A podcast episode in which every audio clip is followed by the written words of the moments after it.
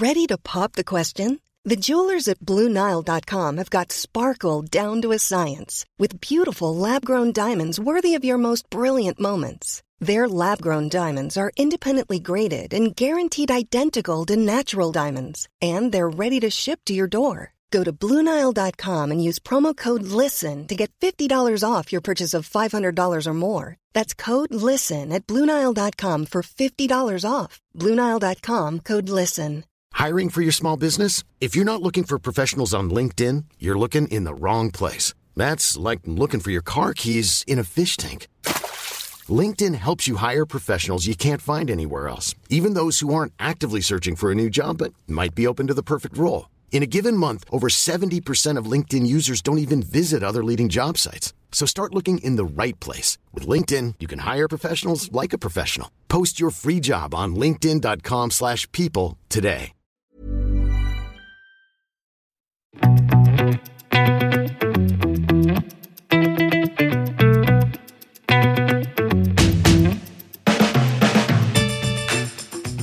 Velkommen til en helt ny episode av Klokkelandslaget. Deres foretrukne podkast om klokker. Det er i hvert fall det jeg og Jon Henrik eh, tror og håper. Eh, I dag så har vi eh, gjester i studio. Vi har faktisk to gjester. Eh, de kommer fra og representerer et auksjonshus, og auksjonshuset heter Sotheby's. Det er jo et eh, ærverdig foretak med hundrevis av år med erfaring i kjøp og salg, om man kan kalle det, eller klubbing på auksjon. da.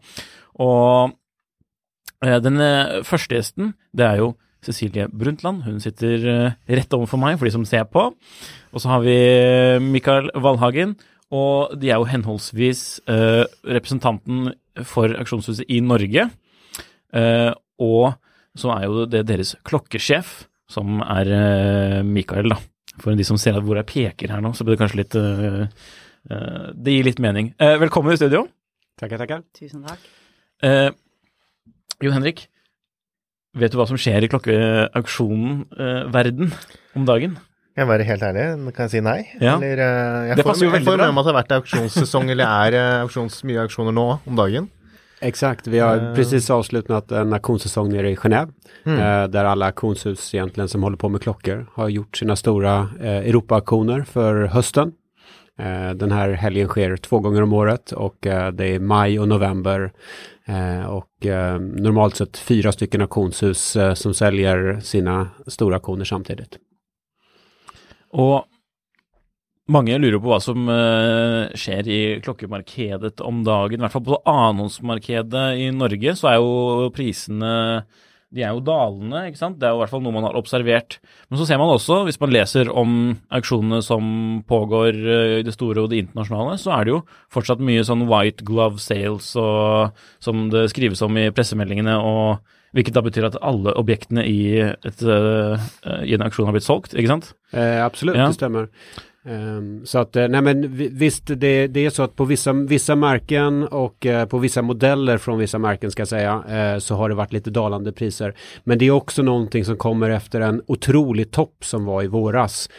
Så våren 22 var all time high för framförallt Audemars Piguet Royal Oak och även Patek Philippe Nautilus och några andra modeller. Så att plockar man bort de här tio stycken raketmodellerna eh, så tror jag nog att vi har en ganska stadig marknad och eh, backar man bara ett år tillbaka så pratar vi alla om en högsta priserna någonsin och eh, det är väl ungefär där vi är tillbaka igen nu då. Ja. Og det er vel det, det, det du nevner her, liksom med de, um, eh, de visse modellene, man kan kalle det det, altså Royal Oak, Nautilus, eh, det meste fra Rolex. Mm. Vi så jo nå f.eks. nylig at eh, det ble jo på, under denne auksjonssesongen eh, i Genéve så ble det jo solgt en sånn Nautilus Tiffany, som var fjorårets største hypeobjekt, og for så vidt starten av dette året. Eh, men den, første gangen den klokken ble solgt på auksjon, det var jo i fjor, og da ble den solgt for veldig mye penger. Mens når den var på auksjon nå, i november, så Altså det andre eksemplaret som ble gjort tilgjengelig for salg, da var det jo den prisen 2,2 millioner eh, dollar mindre. Mm. Men det är, Så det är ju en viktig, är ju- sk- viktig skillnad där. Jo, som den sålde det. var jo auksjon Nei, var jo til veldedighet. Ja. Ja. Och det var också nummer ett. Så Yes. det var den första som släpptes. Eh, så det var en som var skänkt av Patek Philippe och ehm, Tiffany tillsammans och såldes för välgörenhet. Eh, och som många vet i USA så kan man då dra av moms och Yes. tax och, och sådana saker när man köper för välgörenhet. Så att egentligen den som såldes i Genève då eh, var den första som såldes som ett rent försäljningsobjekt. Men tror du de som, eh, noen av de som satt på den klokken ble litt skuffet når de så det resultatet, eller ble de veldig fornøyde? De har uansett gjort et eh, Altså, klokken koster jo i butikk teknisk sett 500 000, Mhm. men ja, hva tror du de syns om det resultatet når de så det? Ja, men klockan kostar som du sa 500 000 och man säljer den då för, eh, vad, vad blir det motsvarande, eh, ja, ja, 3 miljoner dollar då, alltså Ja. 30, 30 miljoner norska kronor. Eh, så att jag tror att de som har köpt den klockan, eh, eh, de är nog ganska nöjda ändå. Jag tror inte någon hade räknat med att den skulle gå för 6 miljoner dollar igen. Nej. Det tror jag inte. Det jo interessant. For, men det er, for når, liksom, når folk, eh, det er jo veldig lett å skrive liksom, en eh, overskrift om at eh, nå har denne klokken tapt seg 2,2 millioner eh, dollar, Mm. mens det liksom, i realiteten ligger litt mer bak det da, enn akkurat den tabloide tittelen. Ja, på sett og vis. Og det er jo sånn mye eh, kjøp og salg og ting som Eller rykter som går og nyheter som spres, også liksom kan være med å påvirke markedene, da. Mm. Som vi har opplevd mye forskjellig av opp gjennom de siste årene når det har vært denne gigantiske hypen, da. Ja. Jeg vet ikke, hvordan, hva, hva syns dere egentlig om denne klokkehypen, da? Og for dette spørsmålet til deg, kanskje, Cecilie. At, eh, hva, har, så har dere liksom de siste årene sett mye mer interesse blant norske selgere og kjøpere? For du er jo sånn at du formidler både, og hjelper både på kjøp- og salgssiden, ikke sant? Til, eh, I retning eh, Sotheby's, hvor de f.eks. selger i Genéve. Ja, ikke sant. Vi gjør, vår jobb altså som representanter er at vi egentlig skal hjelpe til å skaffe alt. Eh, og det kan være racerbiler og vin og smykker og moderne kunst. Og klokker, ikke minst. Så, eh, så det er liksom hovedjobben vår og, og sånn. Men når det gjelder klokker, så Altså rett før eh, Dette vet for så vidt de, de fleste, men det skjedde jo noe veldig viktig egentlig i forbindelse med pandemien. For da stoppet jo plutselig verden opp, og vi trodde jo at nå var det slutt for oss alle. Og ingen ville verken kjøpe eller selge. Men Sotheby's var jo supereffektive til å øh, eh, flytte alt over på online-auksjoner. Og det førte jo faktisk til at man fikk en helt ny generasjon både kjøpere og selgere som ikke var, er opptatt av at man skal synes i en sal eller ta på seg pent tøy og liksom dette evening sale som jo har vært et slags skuespill, veldig morsomt, men som nok mange kanskje syns kan være litt gammeldags. Så den nye generasjonen kom egentlig veldig mye gjennom den pandemien. Så det var veldig gøy å se. Og det virker fortsatt som at dere opplever ganske mange nye budgivere. Jeg vet ikke hvordan det var nå i november, men jeg leste en pressemelding fra et annet auksjonshus som holder auksjon samtidig, og de meldte at de hadde 40 nye budgivere på dette salget. Jeg vet ikke hvordan det var for dere. Ja men det, vi ligger någonstans där på de flesta utav um, de, de aktionerna och speciellt online-aktionerna så är det runt 40% nya budgivare hela tiden. Eh, det visar ju också att eh, dels har vi återkommande kunder men också att många kommer in och köper en klocka eller två klockor och sen så kanske de tar det lugnt i några år och sen kanske de kommer tillbaka och köper fler klockor. Eh, så att, men det är väldigt många nya kunder och framförallt på de här klockorna som kanske ligger i, i prisläget från 50 000 norska upp till eh, en miljon ungefär. Sen över en miljon norska eh, kronor så där tror jag nog att vi har mer procentuellt eh, kunder som vi känner till som, Ja. som handlar på den nivån. Ja, det, litt- det er jo ganske interessant.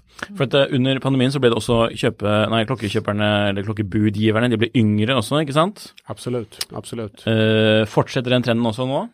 Eh, ja, men som vi såg nu i november, alltså vi har, vi har väldigt många yngre personer som, som gillar att köpa klockor och eh, från att det kanske var lite gammaldags eh, samlarhobby, speciellt kanske på 90-talet, början på 2000-talet när, när det fortfarande var mycket fickor också fortfarande och sådär. Då var ju köparna många gånger kanske 50, 60, 70 plus. Ehm, men, men nu har vi många som är 20 år och kommer in och köper och många som kommer tillsammans med sin pappa och ska köpa klocka. Eh, så att väldigt, eh, jag har några, eh, faktiskt eh, no- några som är liksom från 16-17 år som är intresserade av att köpa klockor. Och ofta då med sin pappa då. Ja. Men, men syns du det var noe annerledes nå, og det er kanskje litt sånn abstrakt spørsmål, men føltes det noe annerledes nå foran den, de aksjonene som er nå, kontra hvordan det var eh, tidligere i år? Liksom I Eh. lys av det med at man har hatt en korreksjon og liksom er, verden er litt mer Ser litt annerledes ut nå enn når du var her forrige gang? Ja, nej men alltså vi hade ju som sagt en, en lite utav en hype i, i våras. Eh, fortfarande var det ju lite svårt för vissa länder att komma till Genève. Ehm, så att vad vi upplevde egentligen nu i november var väl att vi har ju inte sett så mycket besökare eh, i Genève eh, sen innan pandemin. Okej. Så det var första gången det var asiater där och första gången som Hongkong eh, kollegor kom tillbaka eh, sen, eh, sen november 2019 då, vilket var ju härligt att se. Däremot så, så tror jag nog alla upplevde egentligen att det var lite lugnare eh, i, bud, eh, i budgivningen. Eh, och det är väl framförallt på de moderna klockorna. Men vi ser ju fortfarande att de, eh, de äldre vintageklockorna som är unika eller som har någonting speciellt, där finns det en väldigt stor efterfrågan på de klockorna. Och som auktionist så är det egentligen de klockorna vi vill hålla på med egentligen, ska man väl komma ihåg. Eh, det är ju inte så roligt att kanske ha massa moderna klockor som är eh, sex månader gamla på auktion, egentligen. Det är ju inte så spännande. Men for, så de, de, var litt, de hadde dere da eh, som en del av aksjonen fordi kanskje nummer én at eh, kundene deres liksom krevde det, pluss en god måte for mersalg. Mm. Mm. Absolut. Nej, men, och, och så ser ju auktionerna ut idag hos alla auktionshus att vi måste komplettera med moderna klockor för att det finns en ganska stor efterfrågan på den typen av klockor också. Eh, men som sagt som specialist och som konnässör så är det egentligen de vintageklockorna eller de eh, lite äldre uren som är unika på något sätt eller som har en rolig historia. Det är egentligen de som det är roligt att jobba med. Men når, når var det dere startet arbeidet med å få inn klokker som skulle eh, selges, eller eh, aksjoneres bort? Eh, Vi, vi jobbar egentligen i halvårscykler. Eh, cykler. Så att eh, för min del som ansvarig för alla auktioner i Europa så börjar vi egentligen med att ha en auktion i London först och sen har vi auktion i Paris och sen har vi auktion i Genève. Och så börjar det om då London, Paris, Genève. Så vi har sex auktioner per år. Eh, så att egentligen redan nu då när jag är här i eh, slutet av november och auktionssäsongen var två veckor sedan. Nu tar vi in klockor till maj. Så att, eh, och eh, redan nu kan jag säga att vi har redan ett, ett antal klockor som redan ligger färdiga för maj, redan som inlämnade. Eh, Men det så har det vært noe forskjell i hva skal jeg si, pågangen der av folk som vil selge, enn kontra det som har vært tidligere? Merker du noe forskjell der? Nej, egentligen inte, utan jag tror kanske eh, som auktionshus så jobbar du egentligen i den rådande marknaden, vilket innebär att vi har alltid folk som, som vill sälja på grund av att det kan vara dödsfall, det kan vara skilsmässa, det kan vara eh, konkurs, bankruptcy. Um, eh, och en del behöver sälja för att de behöver pengar och en del gillar att köpa för att de tycker att det kanske är ett bra läge att köpa nu. Så att eh, som auktionshus så jobbar man i den rådande marknaden. Om priserna går ner lite grann så tar vi in på den lite lägre nivån och går det upp så tar vi in på lite högre nivån. Så att vi, vi har ungefär ett ganska, ganska stadigt flöde men det jag ser just nu är väl att det kanske återgår lite mer till de här eh, lite mer äldre klockorna från att eh, det har varit väldigt mycket modernt i kanske ett år nu. Altså, litt, altså litt sånn tilbake til det som var normalen. Ja, exakt. Lite mer vintage än, eh, än eh, new in box, double sealed etc. Og vi, men- og vi vet jo at det, fors, at det er jo en forskjell på, eller en, i hvert fall tidvis forskjell på de som kjøper disse to forskjellige typene av klokker. Mm. Ikke sant? Betyr at det er noen kjøpere som var veldig aktuelle for å kjøpe klokker hos dere i februar, som ikke er det nå lenger. Absolut, jag menar vi hade ju faktiskt många som, eh, som hade tjänat mycket pengar på börsen eh, och kanske sålde av lite grann och hade liksom kände att det nästan var gratis att köpa. Eller sådana som hade kryptovaluta som Mm. hade tjänat mycket pengar på det. Va? Och de, de köparna är ju egentligen borta nu. Eh, som det ser ut för stunden. Eh, men, eh, så att, men det, om man ser på de här toppobjekten på en klocka som ligger över 100 000 franc eller dollar, eh, en miljon norska.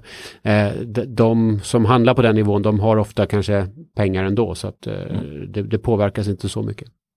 Da snakker vi liksom om de, de, de aller kuleste vintersklokkene og obskuritetene som liksom finnes, som det, er, det er de som det er morsomst å se på i katalogene når dere Mm. produserer de. For, at, eh, for de som ikke vet, så auksjonshusene pleier jo å sende ut, hvis man er i hvert fall en god kunde, eller hvis man spør pent, så får man en sånn flott sånn eh, tekstbok eh, nærmest med altså katalog over det kommende salget da, som man liksom kan bla i.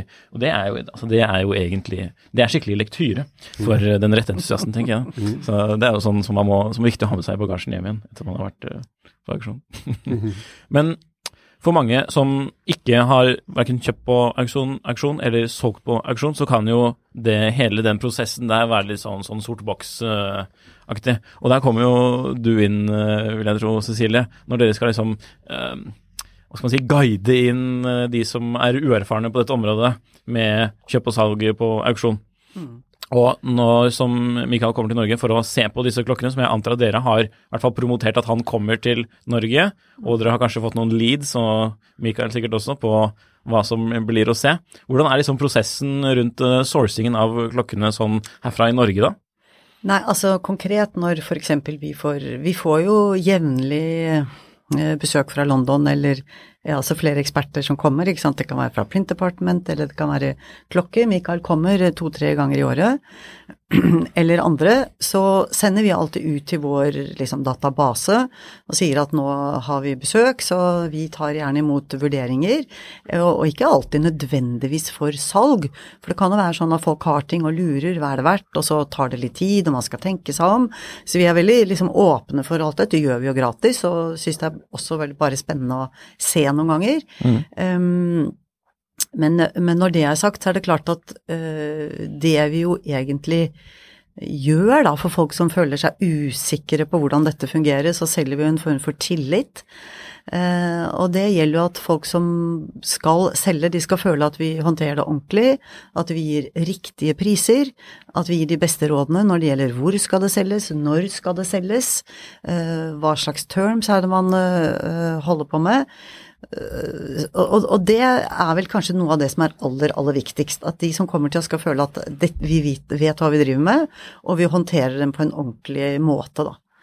Så det er kanskje litt sånn ikke sant, Som du sier, noen kan føle at det er litt uh, ubehagelig det være seg å gå inn i et hvitt galleri, for man føler at her sitter det noen bak en disk, og man blir ikke tatt vare på. Så man prøver jo å, å liksom tette dette gapet mellom en, noen som har lyst og lurer, og til at de har lyst til å, å selge.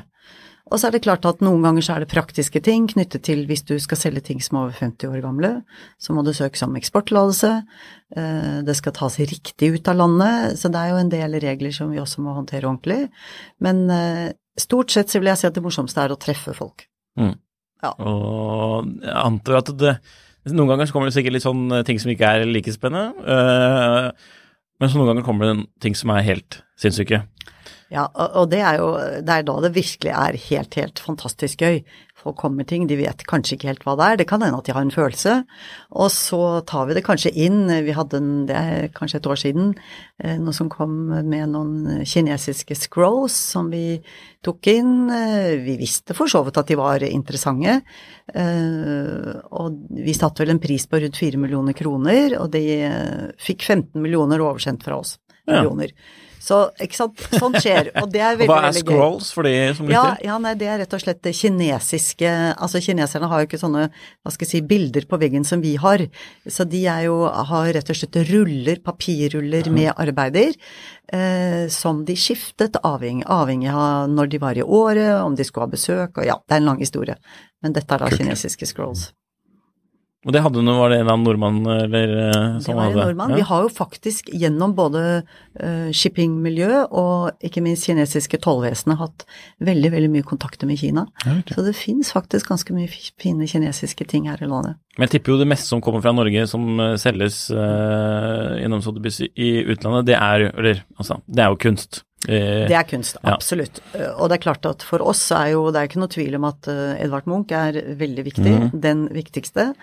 Men vi har jo også sett, og det har vi jo vært med på, hvordan Harald Solberg, eh, norsk maler, eh, 1800-tallet eller frem til 1920-25, eh, hvordan de bildene nå mm, Altså vi har jo i løpet av de siste ja, fire-fem årene så har vi jo solgt en del av dem, og de har sagt faktisk rekorder hver eneste gang. Ja. Eh, og vi har fått utenlandske budgivere. Og det, ikke sant, det er noe med det at vi holder på Det er jo en børs eh, som vi holder på med, men det er børs med eh, kvalitet. Uh, og det finnes jo, finnes jo, masse, masse flinke fagfolk som sitter og forsker, undersøker, fortell, altså undersøker historikken til tingene. Så det er veldig, veldig eh, hva skal jeg si, gjennomført fra A til O, da. Mm. Og det var jo aksjon nå. Var det noen norske klokker som ble solgt da? Eller norske i anførselstegn, da? Uh, I det här fallet så var det några stycken norska klockor som var med, uh, så absolut. Uh, det var nog kanske inte något av topplotsen som var från Norge den här gången, men det har det ju varit faktiskt tidigare. Mm. Har du några specifika exempel vi kan höra på, eller är det så att det Ja, på senaste auktionen så var det, det var några lite eh, mer basic Patek Philippe och ett par Rolex och sådär. Eh, men eh, egentligen den, den kanske bästa vi hade var ju en tidig eh, Submariner från Rolex som, som vi sålde som var från 1954. Eh, eh, som vi sålde för några år sedan, det var 2019 tror jag, som kom mm. från Norge och den sålde ju för Ja, för eh, jag tror att det var två, lite drygt två miljoner norska kronor um, till slut. Uh, så det var väl en av de, de um, bättre klockorna som vi har tagit här i Oslo på senare ja. tid.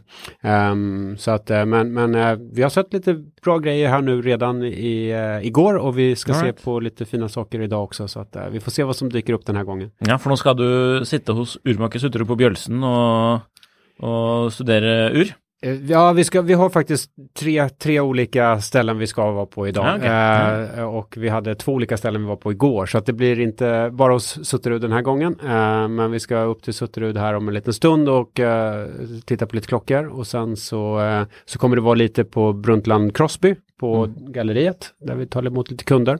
Ja. Eh, och sen ska vi på ett annat ställe sen senare. Cool. Er det Men eh, når du var her forrige gang, for at eh, vi må si at Mikael han er jo den første gjesten som returnerer i studio. Oi. Så That's an honor. Bare bare.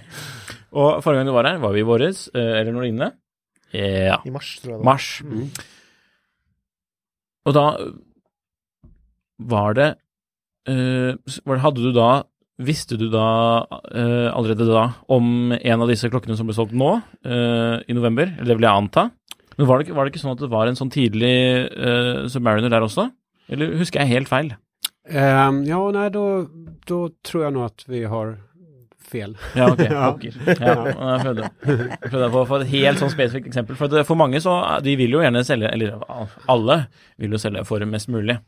Men uh, det er jo ikke gratis å selge på auksjon heller. Kan dere ikke fortelle litt om det for liksom, gangen i det også? For man må jo, det, det, man må jo betale for seg. Ja, det er jo fair det, er det ikke ja. det? At hvis man gjør en jobb for folk, så må man også, også, betale. Dette kommer litt an på hvor mye man leverer inn, hvilket prisnivå vi er på. Men eh, for klokker så er liksom standard at selger skal betale oss 12 eh, Så det er egentlig også ganske sånn going for bilder, hvis det er på et litt sånn Litt avhengig av nivået vi er på, selvfølgelig. Mm. Selger du noe til 18 millioner dollar, det er et uh, maleri, så kan det hende at vi kan diskutere det. Ja, jeg fleiper litt, men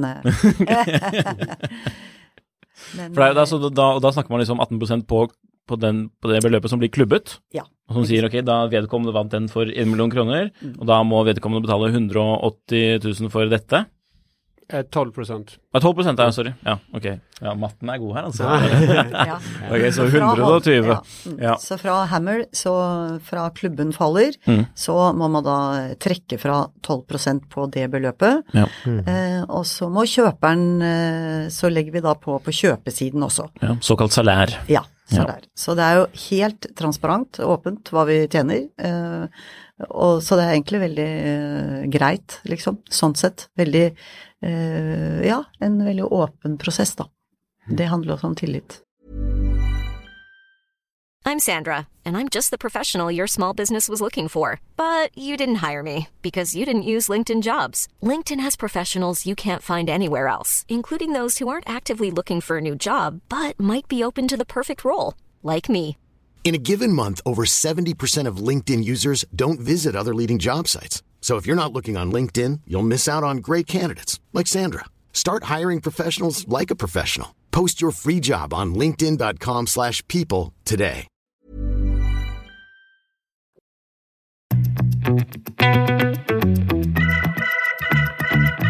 jeg vet at du har noen spennende spørsmål, Henrik. Jeg har noen spennende spørsmål, Mhm. men øh, jeg tenkte vi kan jo bare mm, litt Det har jo vært aksjoner her i Norge også Yes. i det siste. Men det er jo klokkeaksjoner, rene klokkeaksjoner i Norge, sånn altså gjennom et aksjonshus, er jo ganske nytt. Mm.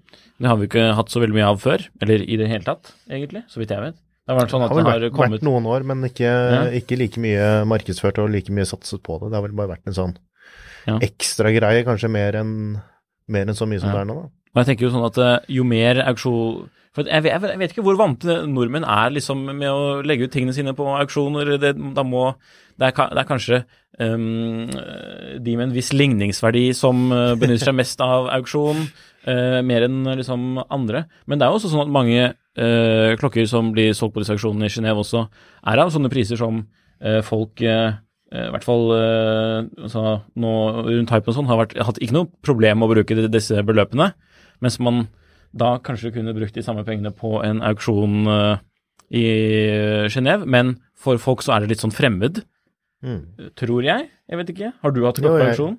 Nei, ikke hatt noe på auksjon. Eh, nei, jeg tror, jeg tror det er helt sant, det. Altså, Mm. Det er litt fremmed og for mange.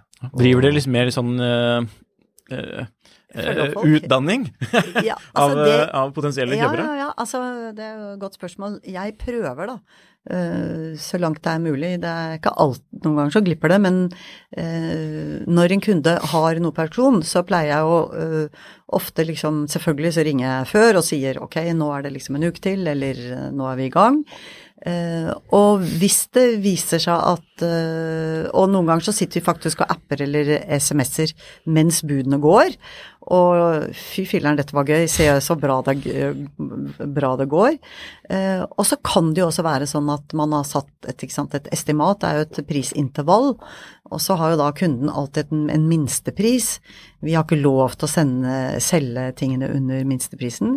Og noen ganger så kan man jo se rett før, eh, kanskje det kan være en time før, eh, liksom auksjonen, hvis det er en online-auksjon, og tingene stenger, at det ikke er så veldig mye bud.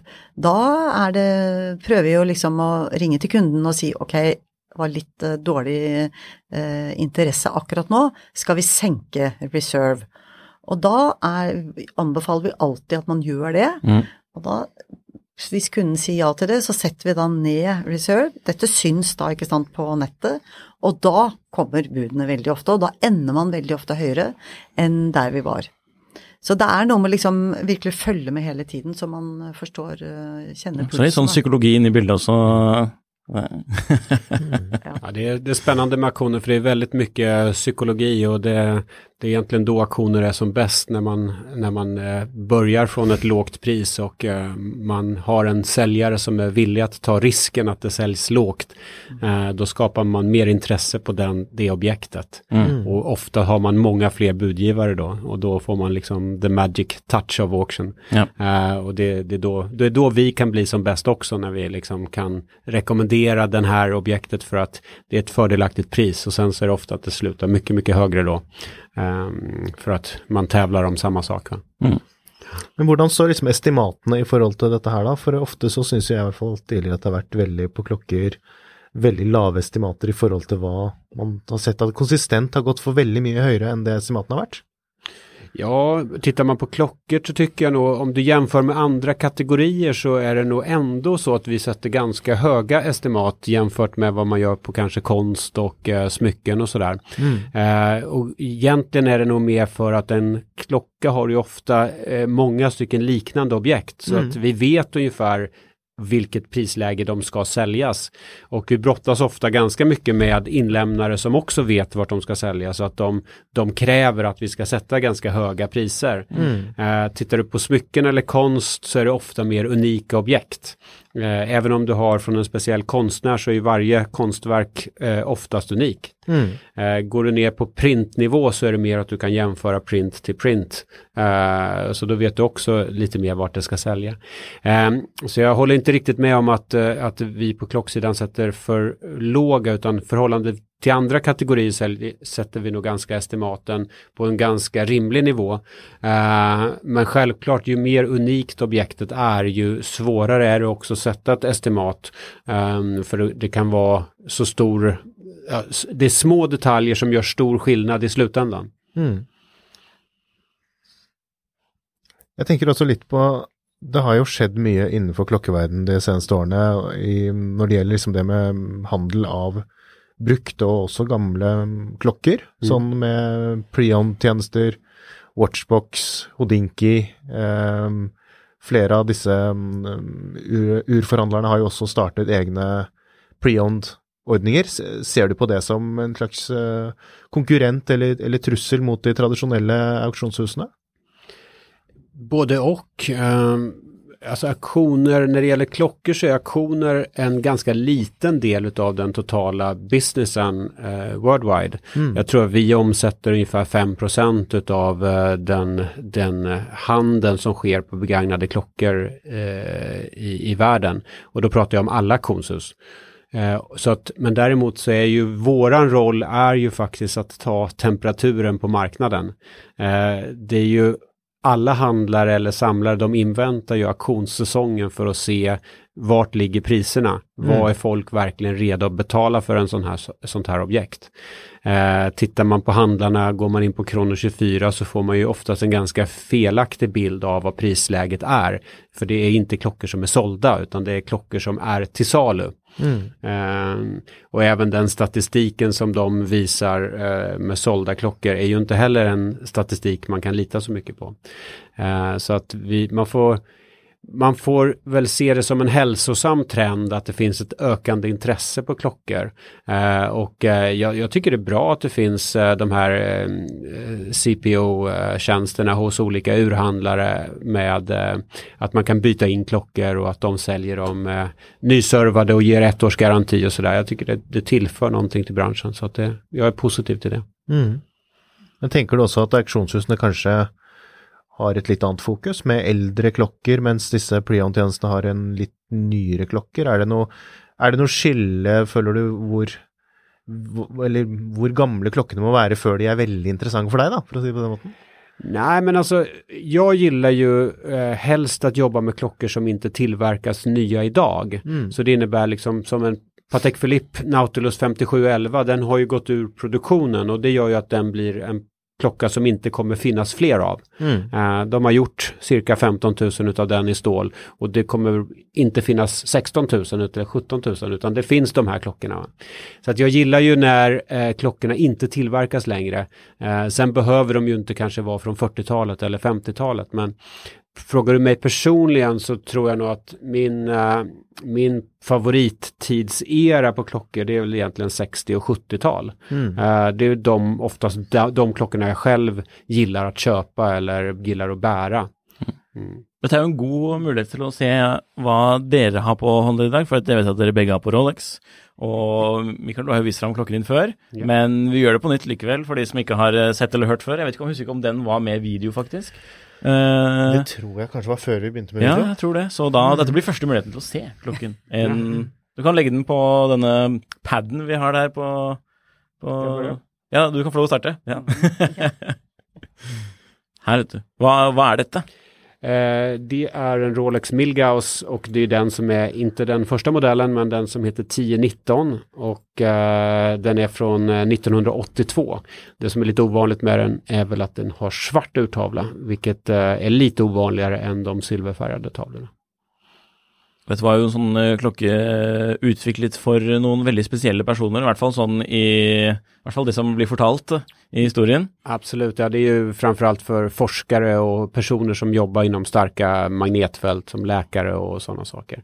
Eh, så den har ju en, en innerboett eh, i en mjukmetall som gör att den är mer tålig mot eh, magnetism. Och även under urtavlan så är det en tjockare skyddsplatta. Mm. Det er kult. Og Cecilie?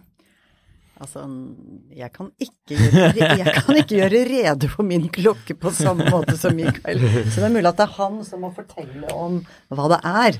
Men eh, historien da er for så vidt at eh, den, det er en Rolex, og den eh, ble kjøpt i 1998. Og da jeg fikk min yngste barn, så var det en presang. Så det var, den er jeg veldig, veldig glad i, og jeg har ikke tatt den av meg på da 24 år. eh, Og, jeg hørte til min skrekk at du sa i går, Mikael, at eh, eh, nei, her må man ha i hvert fall tre stykker, og man må kunne liksom bytte på til de forskjellige brukene. Jeg bader med den i saltvann, og jeg dusjer med den, og jeg går i selskap med den, og er utrolig glad i den og veldig happy med den. Ja, Ja, det är kul det. Det är ju en Datejust eh, 6973 referensen och eh, med eh, Ehm, så det är en klassisk, eh, klassisk damklocka och många tycker att det är en... Datejust. Ja, precis. Det är en klassisk modell och det var ju den här klockan som var populärast och de är- kan ju idag kanske ses som ganska små och många vill ju hellre ha lite större klockor. Men jag tycker, tycker de är eleganta och, och eh, jag kan tänka mig att det är en sån här trend som kommer komma tillbaka. Mm. Eh, och vi var på ett ställe igår och då var det en tjej som var eh, betydligt yngre än både Cecilia och mig och eh, hon bar en sån i den storleken fast helt i stål med vitguldsring och jag tyckte det såg väldigt elegant ut eh, på kontoret där. Mm. Ja, det er fine klokker det der, og i motsetning til herreutgaven så er det jo faktisk mulig å Altså, det, prisene er jo lavere, Absolut, Fordi- är väldigt prisvärda.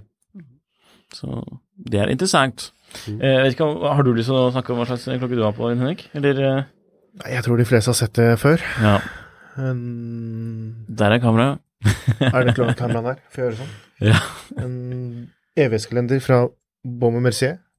Budsjett, Ikke noe eh, vintersklokke, selv om den kanskje kan se litt sånn ut. Ja, er fra 2014 eller 2015 eller sånn. Og jeg har sånn neo-vintage-klokke fra, fra IWC. Dobbeltkronograf. Og må gjøre sånn, og så Ja, man kan se også- den ekstra krono... Den har vi også sett noen ganger før. Ja, vi har sett den fryktelig mange ganger før i podcasten. Så det, det er ikke noe uh, spennende. Det är jobbigt att ha ny klocka varje gång man spelar in och man spelar in varje vecka, eller hur? Det er det. Er det, det det blir dyrt. Jeg bare falt på sånn default og bare bruker én klokke likevel. Så uh, det, det er mer uh, konsekvent. Nei da. Men når, for de som liksom er på utkikk etter og kanskje det, nå, Når vi spiller inn nå, så er det slutten av november. Uh, plutselig så kan man begynne å kjøpe julegaver. Og det er jo Det koster jo mye å kjøpe klokke i julegave, eller altså, relativt sett. Man kan jo få tak i under tusenlappen. 2000 kroner, 3000 kroner, eller en million om man ønsker. Eller to millioner hvis man skal ha en gammel Submariner. Eh, men når man skal kjøpe vintersklokker, og dette er sånn, det blir jo veldig generelle spørsmål, og, men likevel, folk lurer kanskje på hva, hva er det man skal legge pengene sine i? Og da trenger vi ikke å snakke om sånne spesifikke modeller, men litt mer sånn mm, tilstand på klokken, hva skal følge med, er proveniens, hvor viktig er ting? Kan du ikke gi en sånn liten eh, kjapp guide på det, Mikkel? Ja, det, är, det är en väldigt generell fråga, men eh, dels, så, dels så finns väl de här, Eh, eh, först och främst ska man säga, det beror ju väldigt mycket på hur duktig man är och hur mycket man kan själv. Men om man inte kan så mycket så ska man ju helst hitta någon som kan hjälpa en. Och då kan ju faktiskt de här eh, tjänsterna, CPO-tjänsterna som eh, butikerna här kanske i Norge och eh, framförallt i Oslo säkert har. Jag vet att eh, jag besökte en urmakare igår som har en liten kollektion med begagnade klockor. Och då lämnar de ju också ett års garanti på sina klockor och de är nyservade och sådär. De blir ju självklart lite dyrare än vad man ser dem på, på Finn till exempel eller på, eh, på andra auktionshus, lokala auktionshus. Men å andra sidan som sagt den här servicen och den här garantin kan ju vara en trygghet om man inte, om man inte har så mycket kunskap. Eh, tittar man på märken, jag skulle säga att eh, tittar man på vintage Omega-klockor till exempel eh, så tycker jag att då får man ju en väldigt, väldigt fin klocka för under 10 000 kronor. Eh, generellt sett. Och har man lite tur så kan man hitta dem för både 2, 3 och 4 000 kronor. Um, så, så där har man ju, sen finns det ju andra märken som Tissot och Certina som är ytterligare lite lägre i pris mot dem. Och hittar man då en lokal urmakare som kanske inte är märkesbunden då så kan man ju be dem göra en vanlig rengöring och bara tvätta urverket. Och det, Mm. det kostar ju också kanske lika mycket pengar till då. Men då har man ju en klocka som, som är riktigt bra.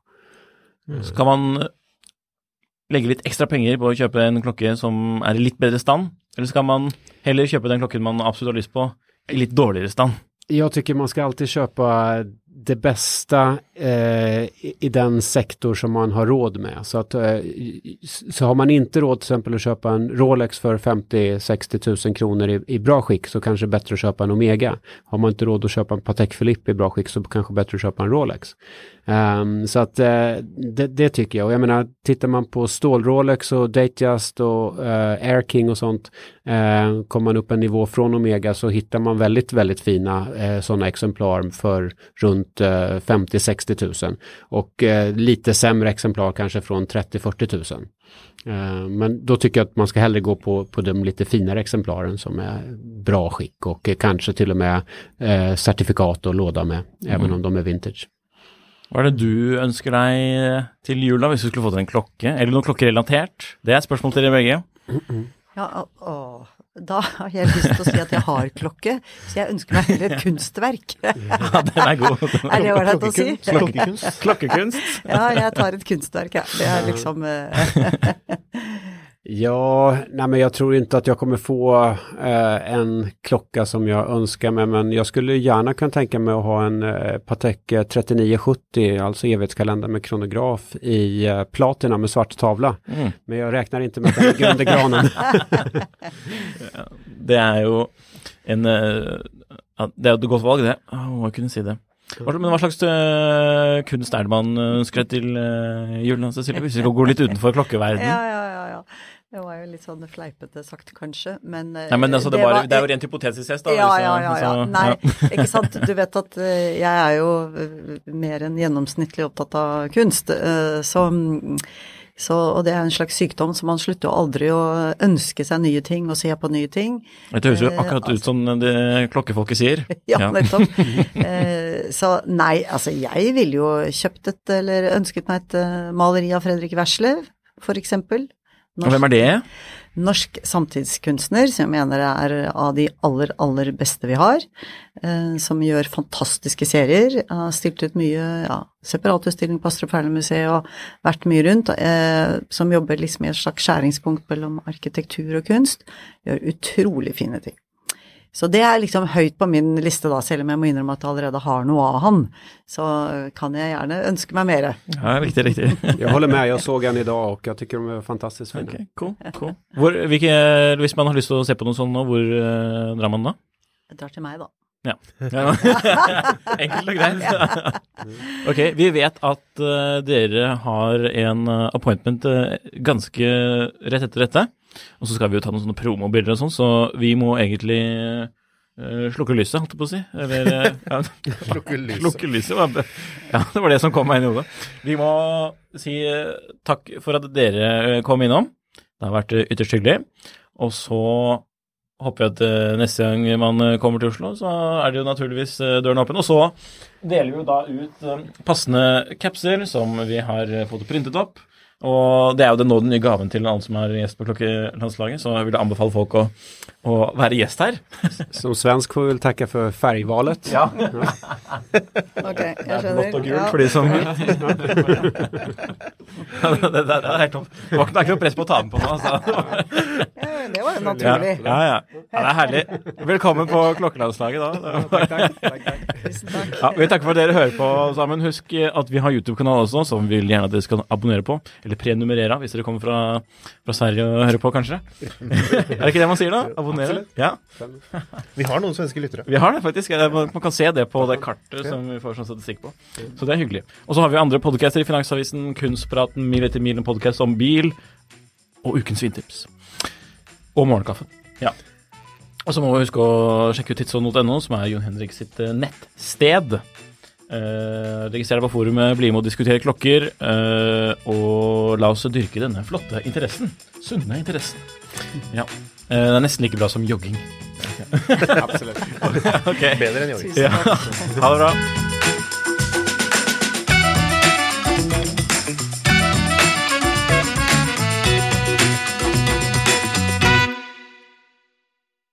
Klokkelandslaget er en Finansavisen-podkast i samarbeid med Tidso. Programleder er Nicolai Giel og Jon Henrik Haraldsen. Produsent er Lars Brenden Skram. Podkast- og videoansvarlig er Marius Mørk Larsen. Og ansvarlig redaktør er Trygve Hegnar.